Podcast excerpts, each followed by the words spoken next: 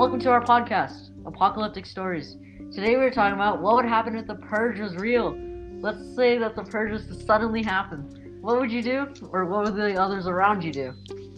If you don't know what the purge is, the purge is the concept on March 21st every year, all crime, including murder, becomes legal for 12 hours. So what would people do? I feel that people uh, would be very paranoid to kill people right away, but people would start committing small crimes like stealing and vandalism and stuff.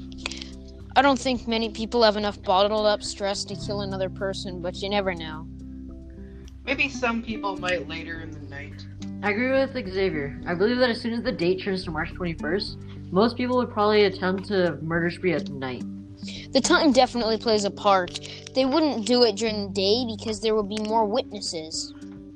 I still believe that some people would still kill people during the day, but just not as frequently. As in the movie, most of the plot happens at night. Okay, the one question I have is would people wear purge masks? I do think people would wear masks because they wouldn't want people to know who killed who, but COVID masks wouldn't be worn as they wouldn't be mandatory. I think people would wear masks just because of the movies. I think that some people would wear masks because of the movies, like what Xavier said. But I still think that some would wouldn't even bother. Why would they bother if it's legal? I do have a question. What do you think would happen if people started to tamper with the economy during the purge, like the mint or accounting files, or even better, what if there was an important system like in the movies? Well, I don't think people would illegally make money other than organ selling because it can be traced back to you, and you can't make uh, counterfeit money because you can't spend it outside of the purge because that would be illegal. Well, making money during the purge is essentially just making money normally, because all is legal, legal, right? Who would buy organs on the day of the purge? People who really need it or you know can't wait to get one. It's actually kind of helpful.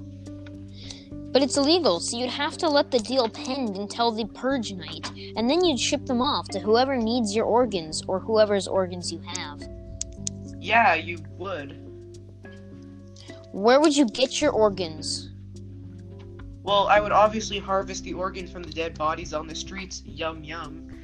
Yum yum. What if no one was killed? Would you start killing for your organs?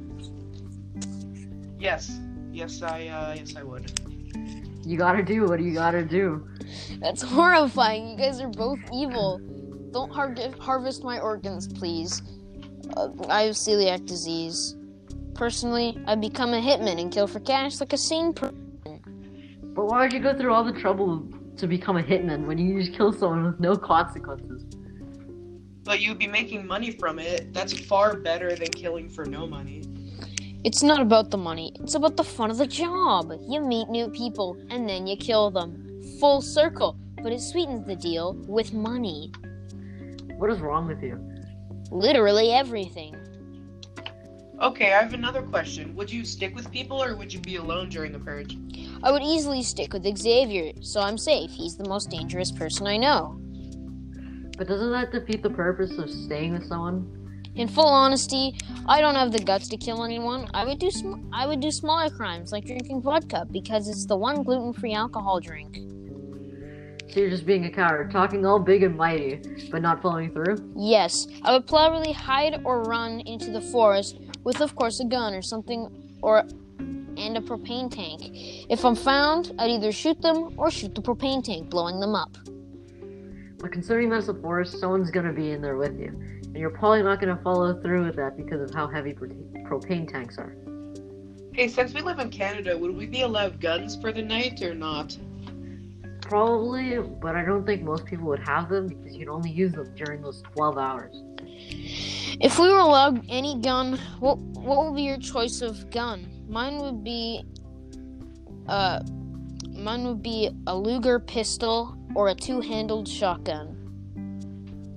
Uh, I would have a melee weapon like a machete, and probably a gun like an M16 assault rifle, just because those can really do some damage. Can you both be a little more sensible? Like, where would where are you gonna find a Luger or an M16?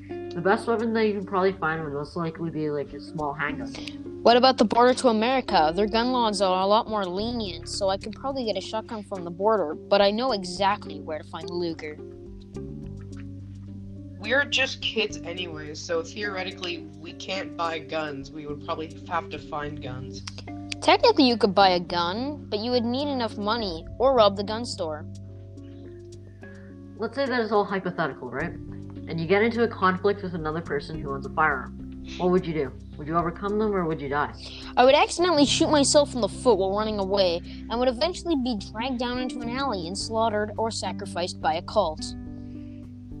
Yes, you would, but I'm an excellent shot. just no, just kidding. I'd, I'd probably be the first one to die. The end. Or is it? Well, that concludes our podcast. Our podcast. podcast. Until, Until next, next time. time. Until next time. There is no next time. Seriously, can, can, can you give us good grades, please? Please. Thank you. Please.